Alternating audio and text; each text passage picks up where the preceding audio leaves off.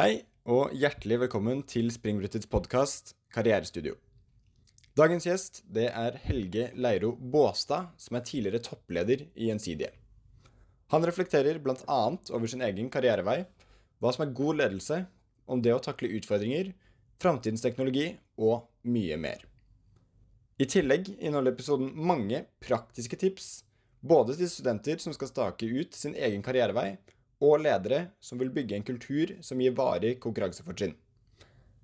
Episoden den ble spilt inn like før sommeren 2023, og det er Julie sammen med Håkon som er intervjuere.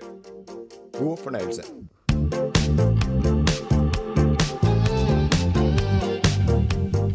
Velkommen hit i dag, Helge Leiro Båstad. Tusen hjertelig takk. Det er utrolig stas å få ha deg med i podden i dag. Tusen takk. Jeg har sett fram til å møte dere. Ja, så Ja. koselig. Um, vil du bare kjapt uh, fortelle litt kort om deg selv? Hvor har du utdannet deg? Ja. Du, jeg er, eh, jeg er født og oppvokst i Asker. Mhm.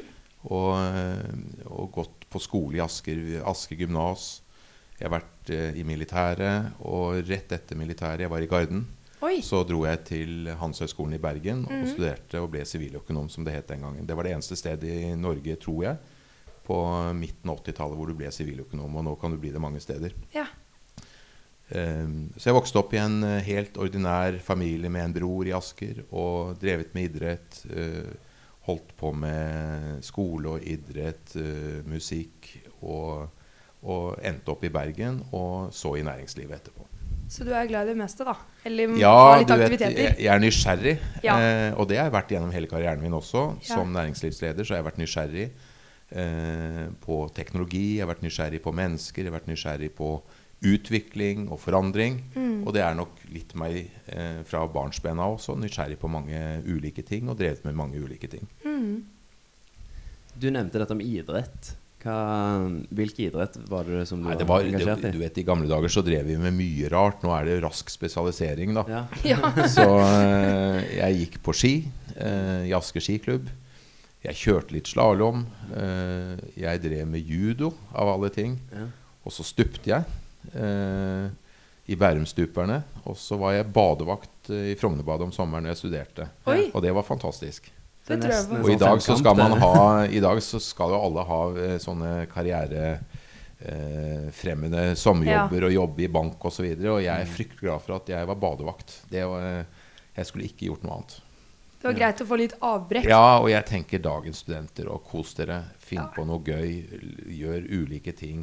Dere kommer fort nok ut, og dere skal jobbe til dere er langt over 70 år. Så Mm. det er ikke nødvendig å stresse. Nei. Men dette med idrett og det at du har prøvd så mye, og nysgjerrigheten som du nevner, tror du at det har hatt stor grunn til at du kom dit du var, da? Altså som konsernsjef i Gjensidige? Nei, altså Idrett det er noe som alle drev med. Jeg drev ikke langt på noen områder, men jeg drev med mye. Var sammen med mye mennesker, og det tror jeg er viktig. Mm. Uh, I dag er det jo mange som forsvinner inn på gutterommet, og Ja. det er digitale eh, aktiviteter. I gamle dager så var det andre aktiviteter, og det tenker jeg Det har nok vært viktig for meg, at jeg har drevet eh, aktiviteter med masse mennesker gjennom hele livet. Mm. Så det har preget meg, tror jeg, eh, noe. Mm. Og nysgjerrigheten, det er noe som ligger i meg. Eh, og jeg har alltid vært nysgjerrig. Jeg har alltid ønsket nye ting. Jeg har vært nysgjerrig på nye ting. Og det har vært utfordringen min òg, fordi som leder så har jeg ønsket å gå videre før vi kanskje er helt ferdig med det vi holdt på med og sånn. Ja. Og det er utrolig viktig at man eh, blir ferdig med ting og kommer videre på en balansert måte, da. Mm. Ja. ja. Men eh, vi skal tilbake til dette med å være leder. Men hvorfor valgte du å jobbe med nettopp økonomi? Nei, Det der er et godt spørsmål. Eh, Jeg kom fra en familie med masse jurister. Ja. Eh, og min far hadde jo håpet at jeg også skulle bli jurist. Men i gamle dager da når jeg studerte, så var det vanskelig å komme inn i Bergen, og jusstudiet var åpent. Ja. Hvis det hadde vært veldig vanskelig å komme på jusstudiet, så kan det være at jeg hadde vært så enkel den gangen at nei, juss hadde vært fint å begynne på. Så Mm. jeg var ikke en sånn veldig bevisst uh, ung uh, gutt som hadde bestemt meg for å begynne på Handelshøyskolen. Men det var, i og med at det var vanskelig å komme inn, jeg klarte å komme inn. Jeg visste at det var da ensbetydende med at jeg antageligvis ville få jobber og muligheter, så valgte jeg det. Ja. Og så er det jo sånn at eh, eh, karrieren min har dreid seg om ledelse, dreid seg om mennesker og relasjoner mer enn regneark. da. Mm. Og så må du jo skjønne regnearkene, og du må eh, forstå økonomien, og du må være verdiskapende det du driver med. Men Mm. jeg er nok mer på mennesker, relasjoner og prosesser og ledelse enn å være nede på eh, i detaljene i regnearket og ja eh, den annen deriverte i, ulike sammenhenger. Ja. Men når i eh, karrieren var det egentlig du fant ut det, da? At eh, tallknusing og sånt er greit, men eh, relasjoner og det å ta, ta styringa er noe som passer meg og mine ferdigheter eh, på, på et bedre plan? Ja, det er interessant. Altså, ta styringa. Jeg var ikke noe sånn ta styringa-gutt da jeg vokste opp. Eh, jeg var sosial, jeg var med, men jeg var aldri liksom eh, lederen, tror jeg. Eh, men jeg ble leder veldig ung. Jeg begynte karrieren min etter Handelshøyskolen i Bergen. Som jeg slutt, avsluttet på midten av 80-tallet, fryktelig lenge siden. Og da begynte jeg i det NOFA Lilleborg. Eh, Orkla, da, som produktsekretær, som det het, med ansvar for noen eh, merkevareprodukter. Og da satt jeg på verdens minste kontor og gravde meg ned i eh, tall og detaljer og strategier for disse småproduktene mine. Og dette var midt i jappetiden. Eh, midt på 80-tallet var alle begynte i finans, alle fikk firmabiler, og det var full fart. Og jeg satt innpå der og gravde og gravde og gravde. Og tenkte hva er det jeg holder på med når de kjørte forbi firmabilene sine.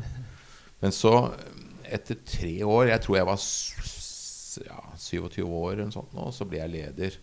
Og det var, sånn var det den gangen. Du startet, og så, og så ble du fort leder eh, for de som kom fra Handelshøyskolen ett eller to år etter deg. Og, så, og det var liksom eh, karriereløpet. Og så fikk jeg vel smaken på det å, å klare å, å, å skape verdi sammen med andre og gjennom andre. Og, så siden 1987 så har jeg vært leder. Og siden 1989, da var jeg 28 år gammel, så ble jeg leder for Jordans aktiviteter i Norge. Oi. Og det var eh, ja, 100 mennesker eller sånt nå. Og da etter det så har det først og fremst vært ledelse.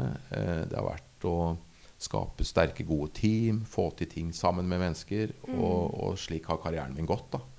Eh, det er mye tilfeldigheter også. Og jeg kom vel inn i ledelse som en naturlig konsekvens. Etter to-tre år så skulle du videre, og da var det å lede noen, et lite team på to-tre mennesker. Ja.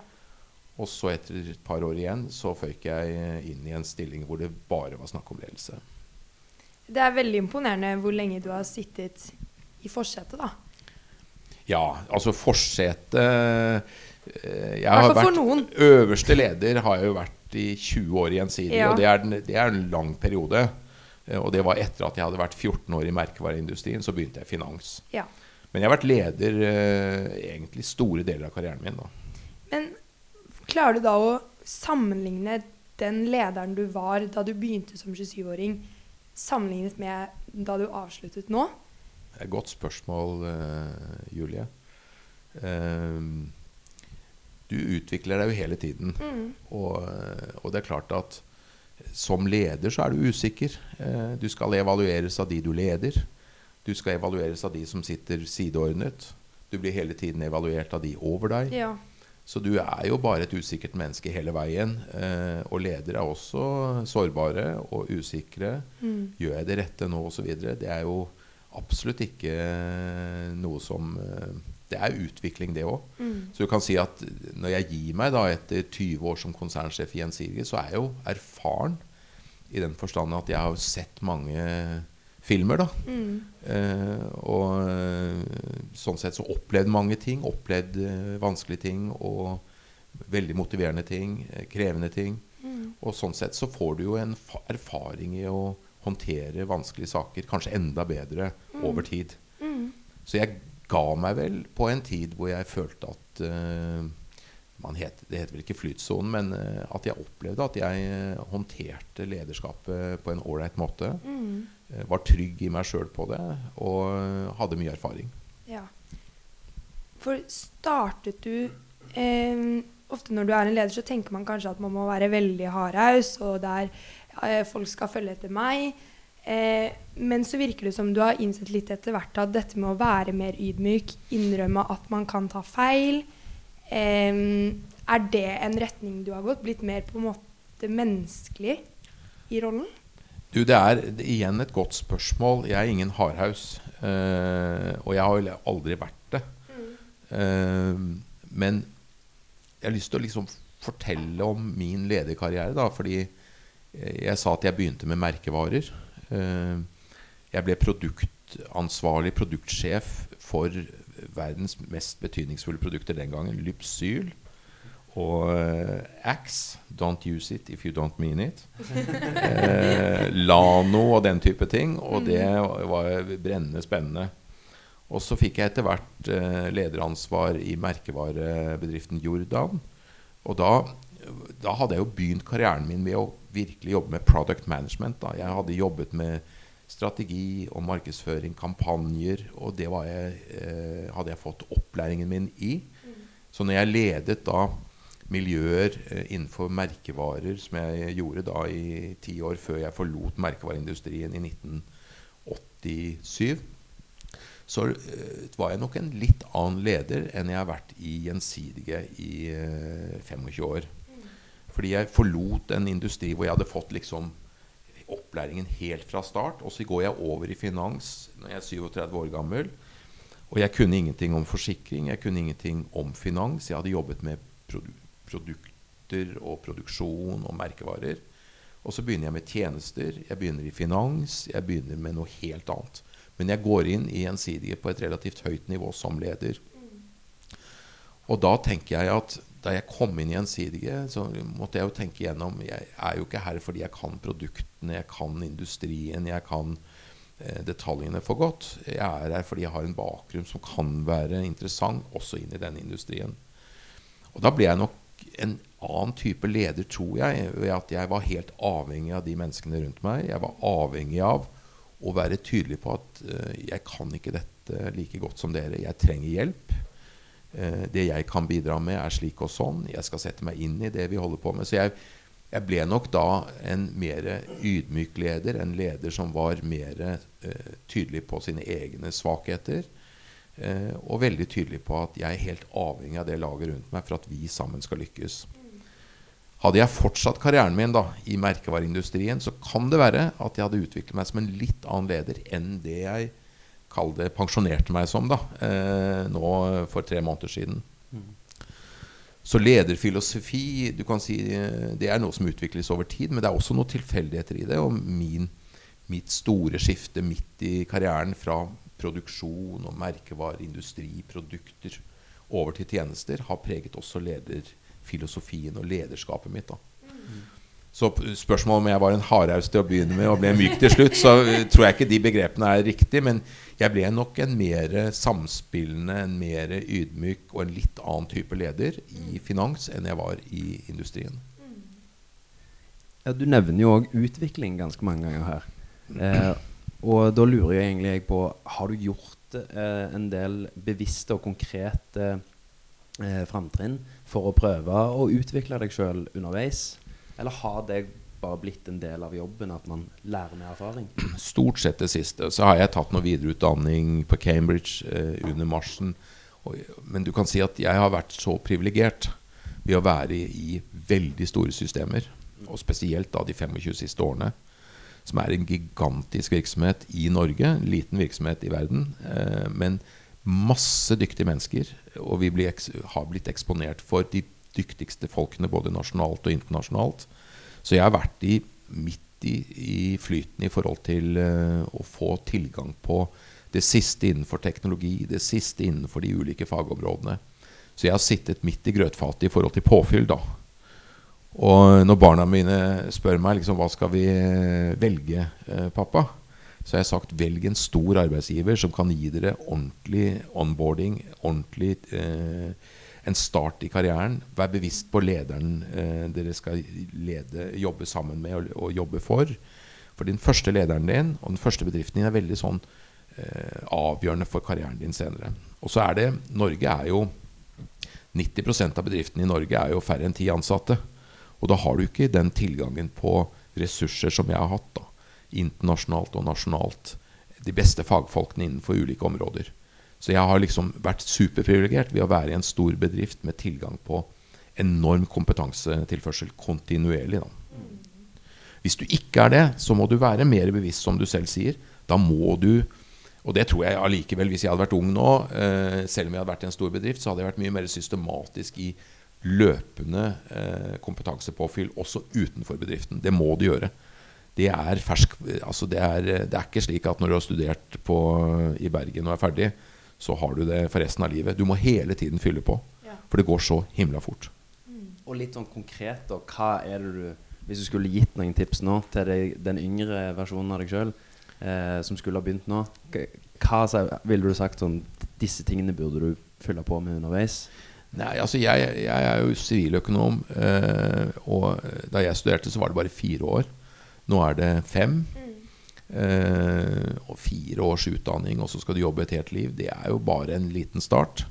Det du lærer i eh, Du lærer jo en god del metoder og men du lærer problemløsning. Du lærer en sånn akademisk inngang på problemstillingene. Eh, Liksom, du går aldri rett på målet, men du vurderer eh, pro cons. Du, du lærer deg en måte å løse oppgaver på. Så det er det gode med basisutdanningen din. Og så tenker jeg du må fylle på.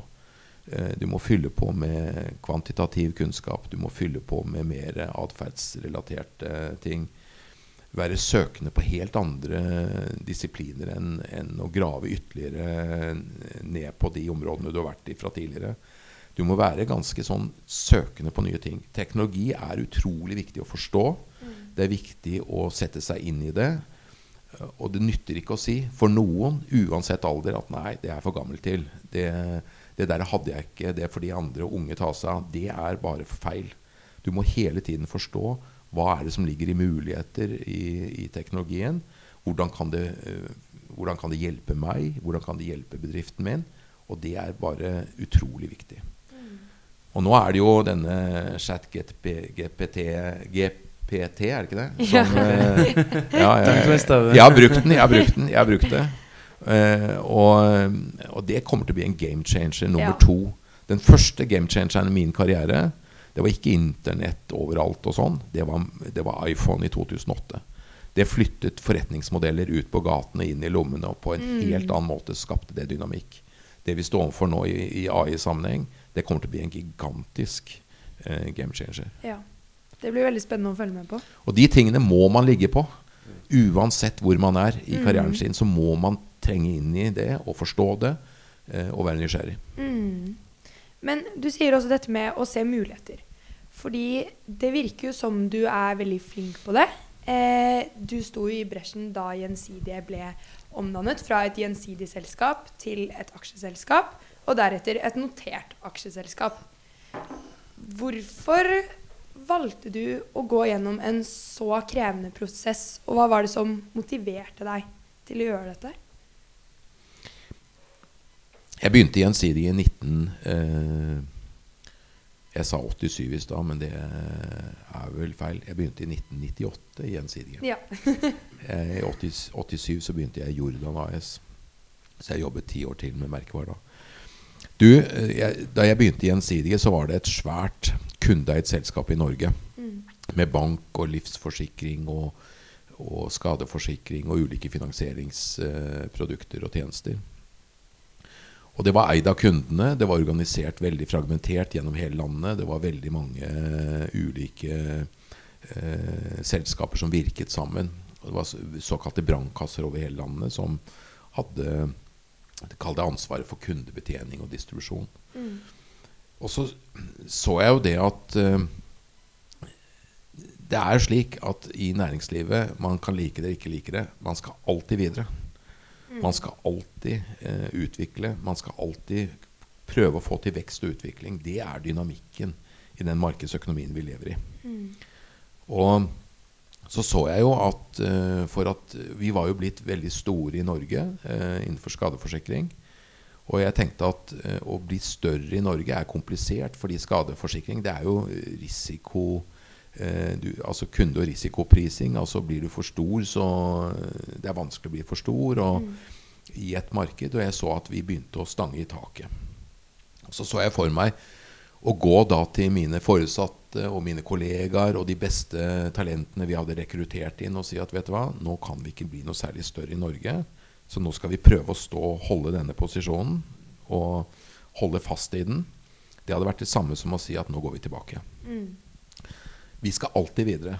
Man skal alltid få til nye ting. Og da tenkte jeg vi må ut av landet for å skape diversifisering, altså nye markeder for å få flere ben å stå på.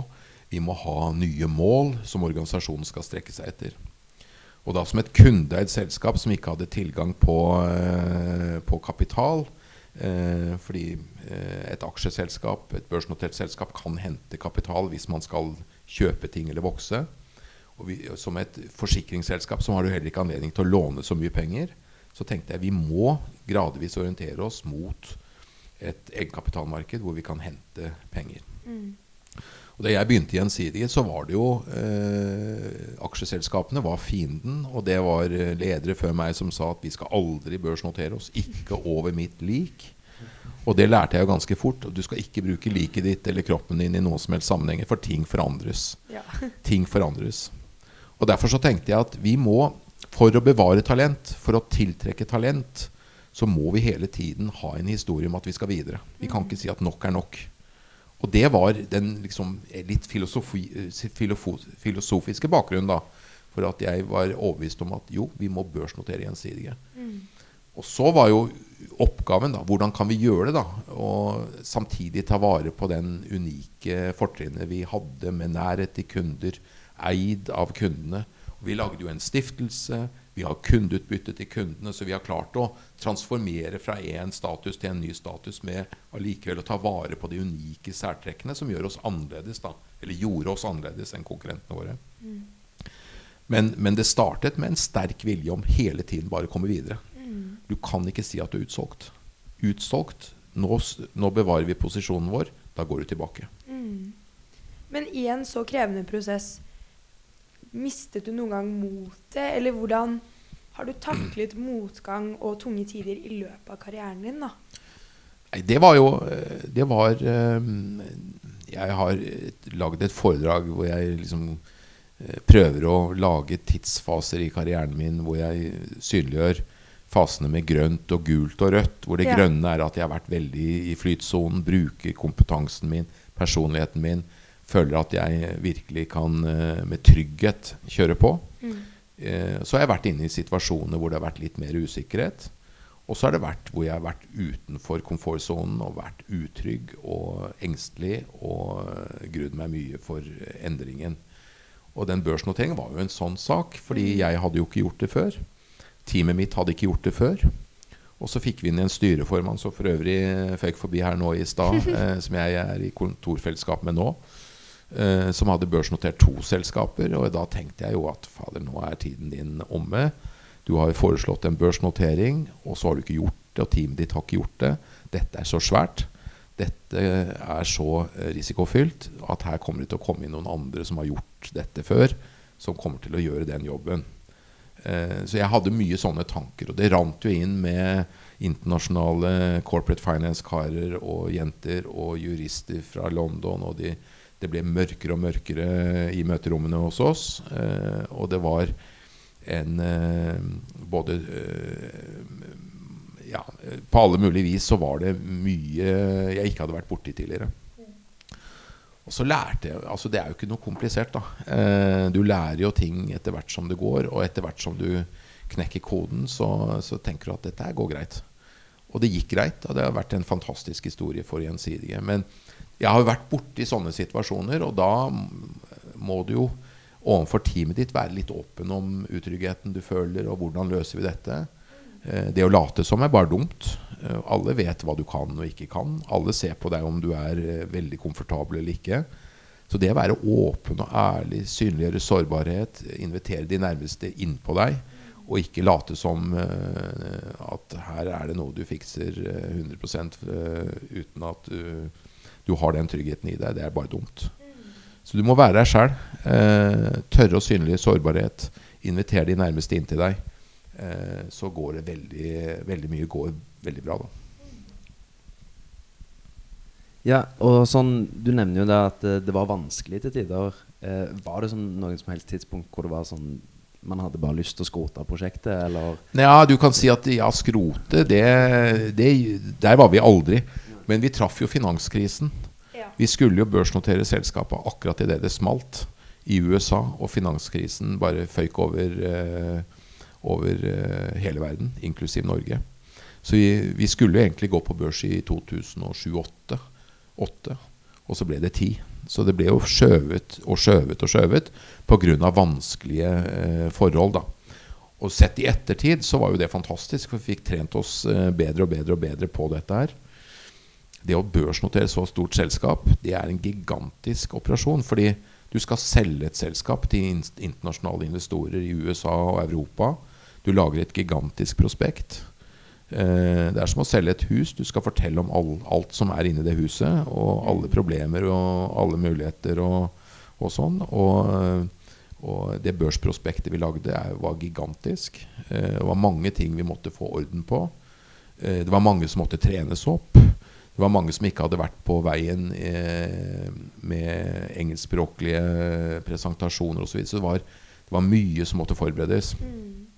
Men det var jo fryktelig motiverende. Det, det var profesjonaliserende for oss. Eh, det tiltrakk nye eh, talenter. Eh, så det løftet hele organisasjonen og hele selskapet. Men fordi i sånne tider, da, og egentlig generelt som en konsernsjef Når du drar hjem og legger deg på kvelden, så er du jo bare et menneske. Akkurat som presidenten i USA er jo også bare et menneske. Ja, det ser vi hver dag. Ja, det er ikke så lett å skjule alltid. Men hvordan er dette med, eh, spesielt når du nevner denne prosessen og andre tøffe prosesser, prestasjonsangst, at du står forrest, du har dette ansvaret på deg. Klarer du å skjøtte det ned, eller Nei, ikke alltid, vet du. Uh, og det, jeg tenker at det at det skal kile litt i magen, det alltid. Uansett. Og det gjør det også nå. Jeg har gått av som konsernsjef, men jeg tar på meg oppdrag, holder foredrag, gjør ting hvor jeg gruer meg litt, må forberede meg. Og det tror jeg er veldig godt for mennesker. da. Og, men her var det jo massivt til eh, tider. Det var store ting. Ehm, jeg har alltid sovet godt, og, og så er noe av stikkordene for meg da vært å ha venner gjennom hele livet som ikke egentlig driver med det samme som meg. Hvor vi prater om helt andre ting og gjør andre ting. Så jeg har jo bodd ute på landet hele livet og, og dratt tilbake. Jeg drar inn til byen om morgenen og ordner opp, og så drar jeg hjem igjen eh, på kvelden. Og så gjør vi andre ting og prater om andre ting. Eh, og det tror jeg er ganske viktig. Eh, ha gode venner som du ikke sitter og kverner på de samme tingene som du driver med på dagtid. ja.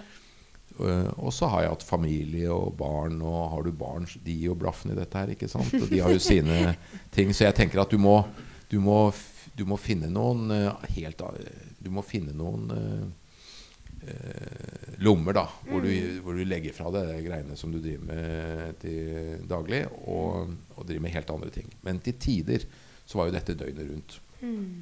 Virkelig, altså. Eh, og da, når det først pågår, så pågår det. Hvor intensivt kan det være da, når, eh, når det står på som mest? Nei, eh, ekstremt, da. Ja. Eh, du får kanskje fem-seks timers søvn, og så resten er på kontoret. da. Ja. ja, for jeg har hørt eh, sånn skrekkhistorier om at det er noen ledere som tar med seg en oppblåsbar madrass eller en eh, feltseng inn på kontoret på det tøffeste Ja, jeg har sovet på kontoret, ja. jeg også. Eh, I gamle dager så hadde vi kontor med sofa. Så ble det sånne åpne landskaper, og der ble det litt vanskeligere. ja. Sov under pulten. ja. Så nei da, eh, jeg har stort sett kommet meg hjem, men eh, det har vært kontorer fra seks om morgenen og, og hjem til midnatt ofte. Altså når det har vært den type ting, da. Men det går jo ikke i lengden. Nei. Så, men så var det jo så var det jo såkalt roadshow. Vi skulle ut og selge bedriften. da Og da var det over hele verden, holdt jeg på å si. Og da var det mindre enn seks timers søvn også. Da var det ekstremt intenst. Men sånne ting er jo morsomt. Og så puster du ut etterpå. Og det å få være med på det er jo fantastisk. Eh, så, så det er jo noe av det jeg syns har vært mest spennende i karrieren min. Det er jo børsnoteringene gjensidige, som, som, eh, hvor vi traff riktig tid. Og det har vært en suksess, da. Mm. Og du nevner i disse periodene så var det de rundt deg hadde mye å si. Både familie på siden, men også kollegaene dine og eh, de ansatte som Dere er jo sammen om det, ikke sant? Så en leder skal jo ikke bare gå foran og de andre følge etter, men du skal kanskje heller skape en kultur som fremmer resultater og utvikling, da. Ja, altså kultur Jeg er fryktelig opptatt av det. Fordi Ja. det er egentlig så Du kan si uh, i en del uh, bransjer da, så er produktene ganske like. Teknologien er ganske standard og lik. Det er veldig lett å kopiere uh, hverandre. Altså Bank og finans er et sånt eksempel. Hvor det er noen tastetrykk, så har du de samme løsningene. ikke sant? Den karrieren jeg startet med, med unike produkter og patenter og merkevarer og massiv mer eh, annonsering for uh, merkevarer, det var litt annerledes. For da skapte du uh, da skapte du unikitet med produkter og patenter. Altså Coca-Cola, f.eks. Og, Ja. og jeg jobbet ikke der, men uh, jeg jobbet også med noen veldig sterke merkevarer. Og da jeg kom til finans, så skjønte jeg at vet du hva, det, vi kan ikke jobbe på samme måte som jeg gjorde i industrien, med å jobbe intenst med produkter, advertising, eh, prøve å posisjonere produktene annerledes og vinne gjennom det. Vinne gjennom de verdiforslagene. Her er veldig mye likt. Våre merkevarebyggere i Gjensidige var menneskene. Og da må du jobbe med ledelse. Du må jobbe med kultur. Fordi du kan si kultur, hva er det for noe? Mange sier at ja, det er noe som sitter i veggene, men det gjør jo ikke det. Kultur er jo noe som er i, i, i hodene på folk. Det er noe Hvordan snakker man til hverandre, om hverandre? Hvordan opptrer sjefen? Eh, hvordan jobber vi sammen? Eh, og det er kultur, ikke sant? Og det er utrolig vanskelig å vedta. Du kan ikke vedta en kultur på et styrerom eller som en sjef. Nei. Men det gode med det er at hvis du klarer å skape en sterk, unik kultur, så kan du ikke kopiere det heller. Og da er det konkurransefortrinn. Derfor så har jeg vært ekstremt bevisst på at vi må ha en kultur inne i selskapet som gjør at vi blir annerledes. Vi fremstår annerledes, jobber annerledes, jobber smartere. Eh, tar vare på hverandre på en bedre måte. Og det smitter over på kundene, fordi eh, alle som sitter i front og snakker med kundene, er preget av den kulturen. Og så vinner du. Derfor har jeg vært opptatt av ledelse, kultur. Og så har jeg jo sett da, i, på enden av karrieren min at det er ubehagelig å være klar over hvor mye en toppsjef har å si for det. For hvis en toppsjef eh, omtaler konkurrenter eller andre, eller altså hvordan en toppsjef snakker og omtaler andre, hvordan en toppsjef eh, fremhever seg selv i forhold til andre, så er det med å skape smitte i en kultur. Og jeg var ikke så bevisst det da jeg begynte å jobbe som toppsjef, men jeg ble gradvis mer og mer bevisst at jeg hadde et stort ansvar for å skape en annerledes eh, kultur. Eh, og Derfor så er dette med kultur, ledelse Og ledelse er jo kjempeviktig. da. Eh, hvordan er det vi jobber? Hvordan er det vi eh, Hva fokuserer vi på? Hva insentiverer vi? Eh, hva fremhever vi? Hvem er heltene, og hvorfor er de heltene? Eh, de tingene er fryktelig viktige. Det er det jeg har jobbet med stort sett, bortsett fra sånn, en børsnotering og litt sånn innimellom. Så er det det jeg har jobbet med. Men er det noen sånne ting da for å bygge kultur som du konkret har sett sånn Disse tingene vil jeg ha inn. Dette vil jeg gjøre mer av. Eh, er det noen ting da som Masse du konkret. Masse konkret? Ja. Kan du nevne noen av Ja, de altså, det starter tingene? jo med vel, Alle bedrifter har jo noen kjerneverdier. Altså, ikke sant? Og, og noen vedtar de på et styrerom. Kjerneverdiene våre er sånn og sånn og sånn. Og så sender de ut en mail og sier at det er kjerneverdiene våre.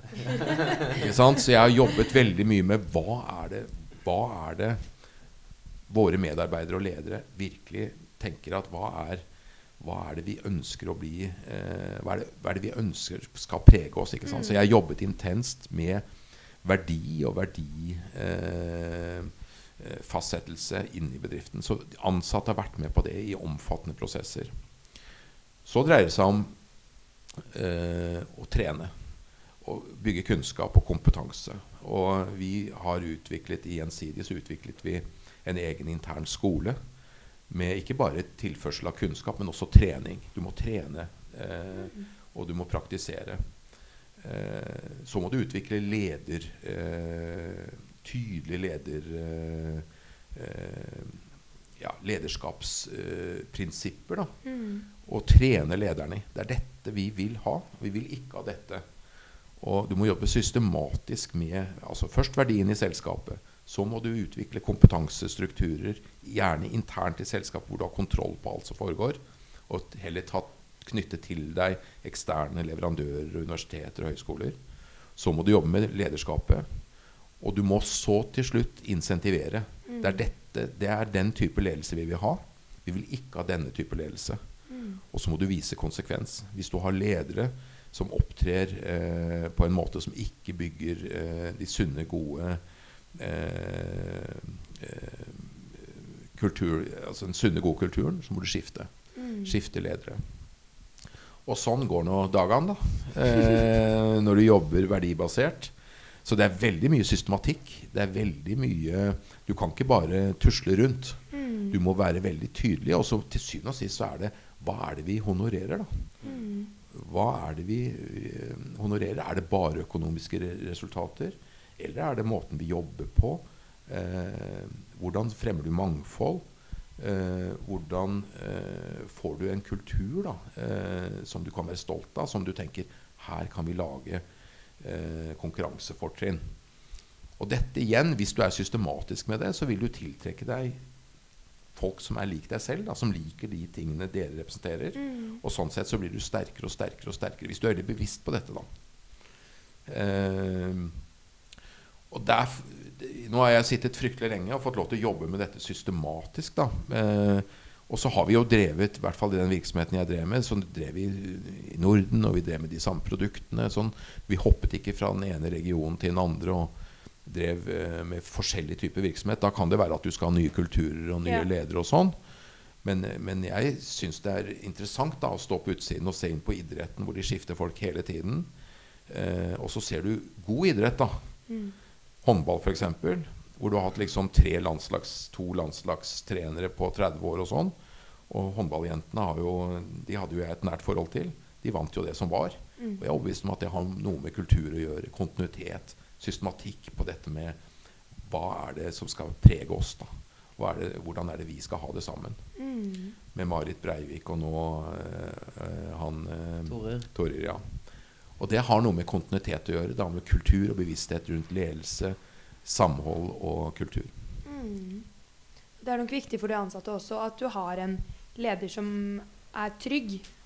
Som står litt med beina plantet på jorda, og du stoler på at de også har de beste intensjonene for bedriften. Da. Men hvis du klarer å trekke fram noen egenskaper, hva er det som skiller en god leder fra en dårlig leder? Du er godt forberedt, Julie, fordi du sier trygg. Det, det er jo et av de temaene som jeg tenker er ganske viktig. Du må eh, Mennesker har ulik trygghet i seg selv. Men veldig utrygge ledere, det er ganske farlig. Ja. Så du må, du må tiltrekke deg mennesker som er relativt trygge i seg selv.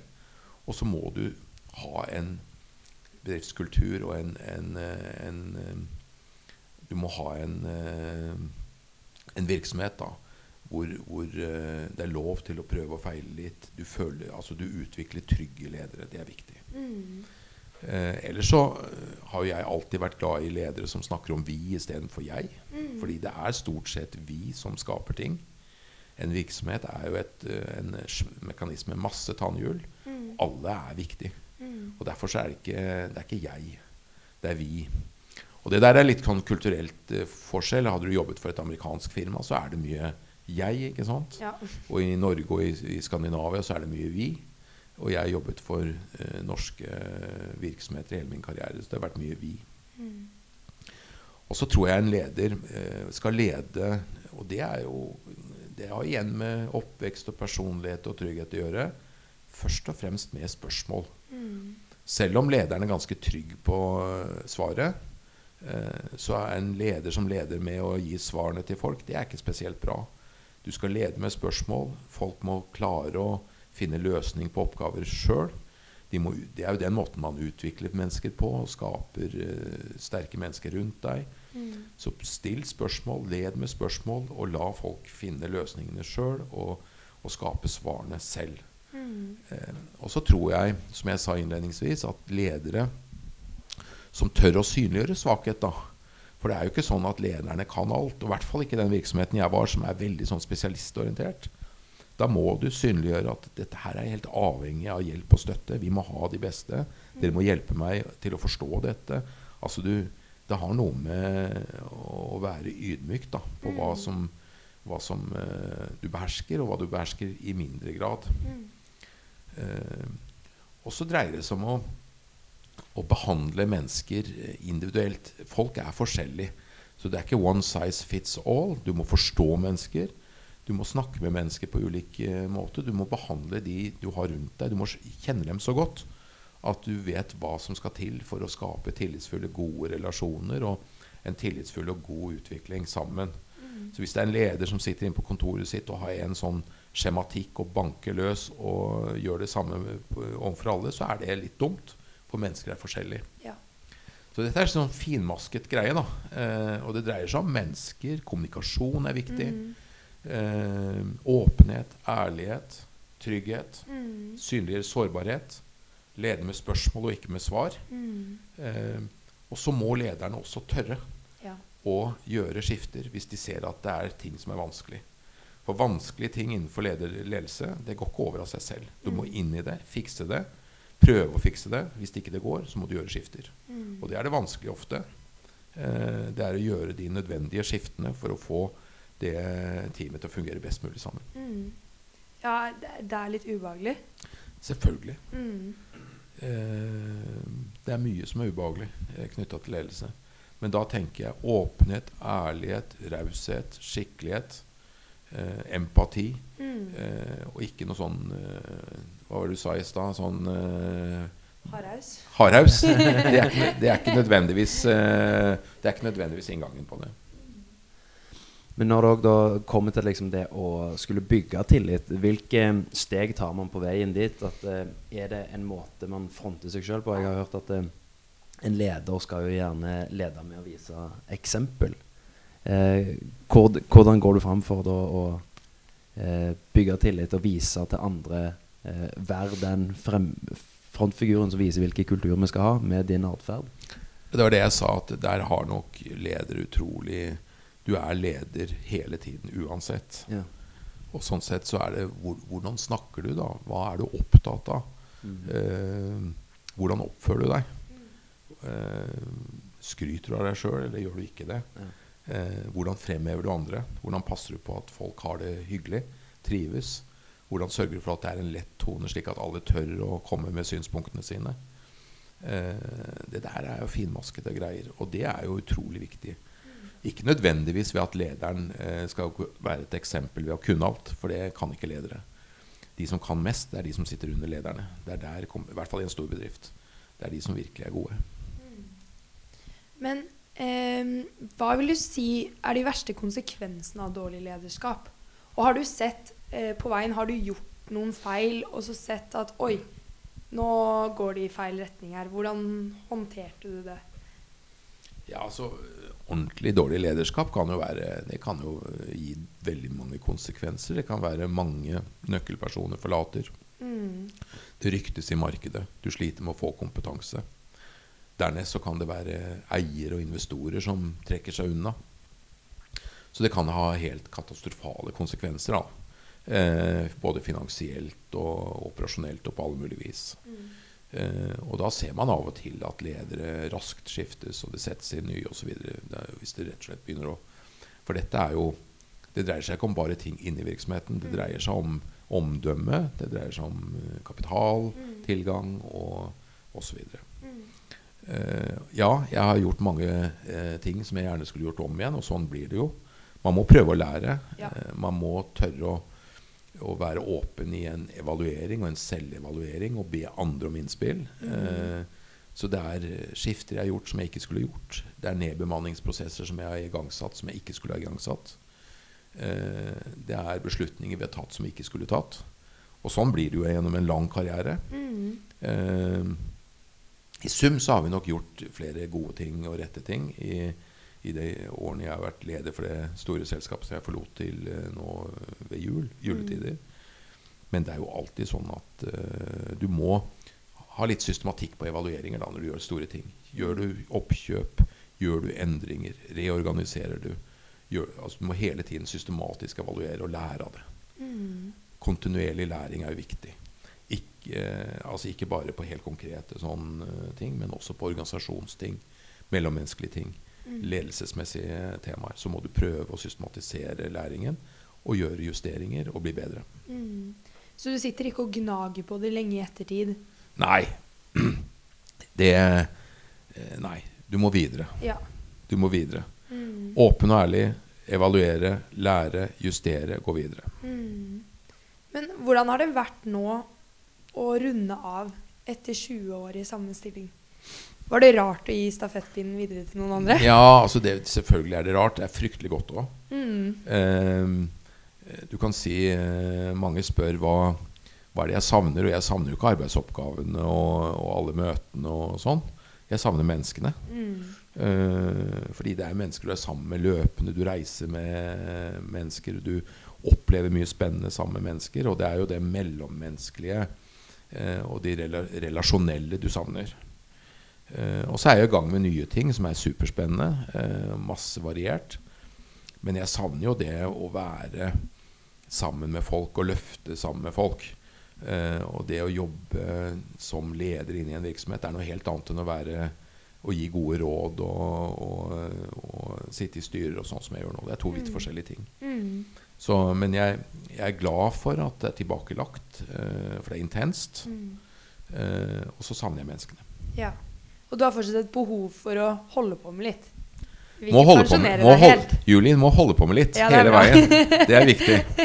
Du må holde på med litt. Du må Ja. aldri gi deg. Nei.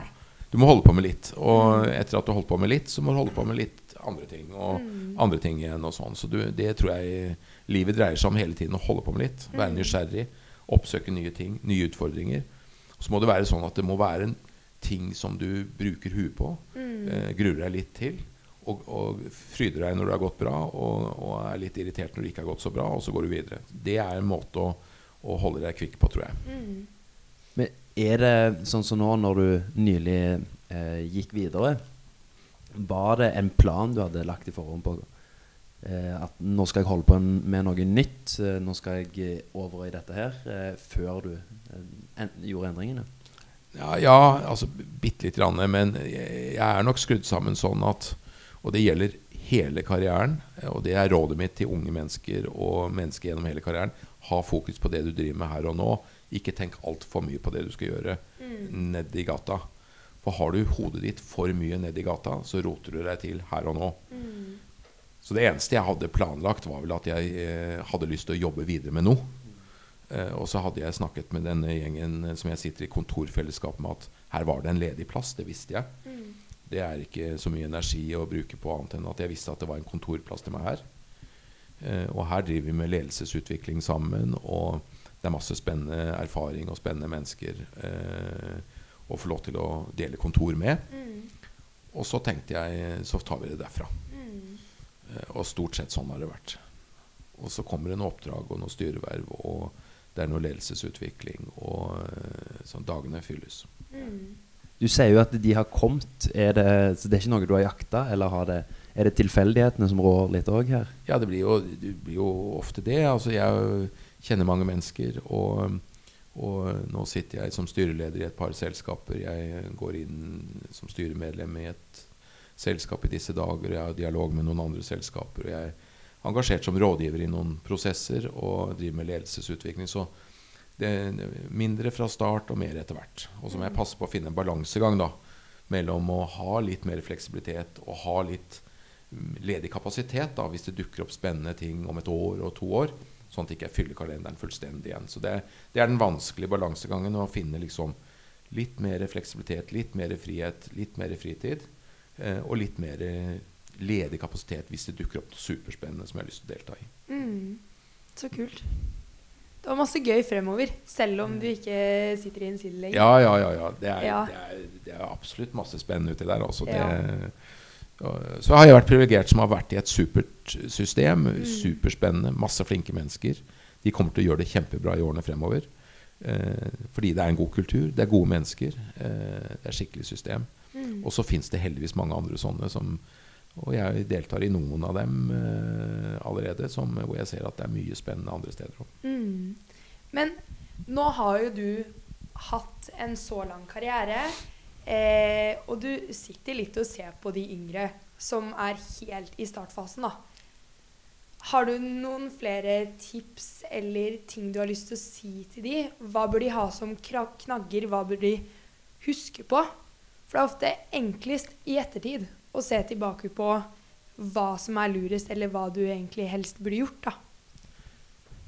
Ja, altså jeg, jeg, jeg ble invitert for en liten stund siden til å, å gi råd til eh, de yngste Gjensidige. Ja. Og det første rådet mitt var å ikke lytte for mye på de som pusher, eh, menn som pusher 60, da. Eh, søk litt råd eh, blant egne venner og kjente, og noen som er litt yngre. Så det, det er litt sånn eh, Litt alvor og litt spøk i, i det, men jeg tenker at man må søke litt ulike råd. Det, det jeg har lyst til å, å, å gjenta, det er Og det er ikke alle som kan det, fordi i Norge hvis man skal jobbe i Norge, da, eh, så er gjennomsnittsbedriften ganske liten. Mm. Eh, og det er det som er infrastrukturen gjennom landet. Det er små bedrifter. Eh, og det er kommunal sektor og offentlig sektor, og det er privat sektor. Men hvis man får lov til å begynne et sted som har en viss størrelse, Mm. Eh, så er det ofte ressurser. Og hvis man får lov til å begynne et sted som har tatt imot mennesker med samme utdanningsbakgrunn som du har, og som du har, eh, så har de gjort det før, og de vet røftlig hvordan det er å ta imot en ung akademiker eller en med denne bakgrunnen. Og da tenker jeg det er, eh, det er også eh, eh, viktig. Mm. Og så tror jeg eh, det å, å være litt bevisst hvem er det som blir sjefen min? da? Liksom, hvem er det jeg skal jobbe sammen med? Er det noen eh, jeg kan lære av? Er det, fordi det, om du vil det eller ikke, så er din første leder utrolig viktig. Eh, viktig for de verdiene du kommer til å utvikle. Viktig for tenkningen din. Eh, utrolig viktig. Eh, den første bedriften, den første lederen, er kjempeviktig. Mm. Og da tenker jeg titler og, øh, og lønn og en del andre ting. Jeg vet at det er viktig. Jeg vet at man skal leve. Jeg vet at rentene går opp. Eh, men tenk litt sånn langsiktig, da. Mm. Er det, hvor er det jeg kan få en god start? Hvor er det jeg kan lære videre? Fordi når du er ferdig i Bergen og studerer på universitetet der, så er du du kan litt, men du kan veldig lite i forhold til det du kan etter hvert. Mm. Du skal lære mer. Du må et sted hvor du kan lære. Du kan lære fag videre. Du kan lære eh, av en dyktig ledere. Du kan lære i en god bedrift. Du kan lære i en bedrift som har eh, tatt imot sånne som deg tidligere. Så det er rådet mitt. Og så vet jeg at alle kan ikke velge slik. Eh, men vil, det er det rådet jeg gir til ungene mine. Mm. Eh, eh, vær litt bevisst på det. Og så var jeg innom det. Ikke vær så utålmodig. Eh, mulighetene kommer. Eh, I Norge så er det ganske flate strukturer. De fleste blir sett. Ja. Eh, gjør en god jobb der du er eh, til enhver tid. Ikke tenk for mye på neste steg i karrieren din. Da kan du rote deg bort. Du kan snuble der du er, og så kan det gå gærent. Mm. Og så må du være Når du kommer inn i en bedrift eller inn i en, eh, en virksomhet, være veldig nysgjerrig på eh, andre fagområder. Mm. Meld deg til tjeneste i prosjekter hvor du kan få lov til å, å være sammen med andre som representerer helt andre fagområder, som jobber med andre ting. På den måten så får du et litt bredere og litt mer sånn tverrfaglig inngang på en problemstilling. da. Eh, og så er det etter hvert da, en diskusjon skal jeg bli fagperson eller skal jeg være leder. Ja. Det er en sånn klassisk diskusjon. Og, og den, eh, den eh, jeg tenker at det er altfor mange ledere som ikke burde vært ledere. Mm. Som egentlig er dyktige fagpersoner. Og slik har det jo ofte vært i Norge. da, At du må bli leder for å tjene noe mer. ikke sant? Og da vil alle videre og bli leder. Selv om de egentlig både trives bedre med å være fagspesialist, og kanskje eh, er bedre som fagspesialist enn leder. Og der tenker jeg næringsliv og, og virks, virksomhetene må sørge for lønns- og kompensasjonsordninger da, som gjør at flere kan være fagspesialister. Eh, og så er ikke fag ensbetydende med å være sånn superduper spiss ned i et eller annet eh, område. Fag kan være mye mer eh, sammensatt enn det. Mm. Så det tenker jeg er noe man må tenke på. Liksom, er jeg, trives jeg best med å være en spesialist? Å være en som graver, en som skriver, en som utreder? En som skaper verdi gjennom det? Eller er jeg en som vil trives best med å egentlig ikke være den som løser oppgavene, men fasiliterer, ansetter, utvikler, eh, skaper team, jobber med de tingene jeg har jobbet med? Da. Det må man ha noen møter med seg selv innimellom og tenke nøye gjennom. Mm. det er vel også ikke hopp for tidlig. Da. Det, hopp og sprette fram og tilbake. Det, søk heller erfaring gjennom prosjekter og tverrfaglig deltakelse. Team opp med andre kompetanseområder for å skape deg bredde. Mm. Det er de rådene jeg ville gitt, uh, Julie. Ja, det var gode råd. Jeg tror de kan lære ganske mye av det. Ja. Og så begynner jeg òg å tenke litt på sånn som når du da nevner at eh, prøv å være der du er. Eh, for det kan hjelpe deg da med å gjøre dine arbeidsoppgaver der og da bedre, og ikke eh, være for tidlig med å strekke deg Ja, ha hodet ditt hele Ja. tiden på oppgaven, da. Ja. Og ikke alle andre steder.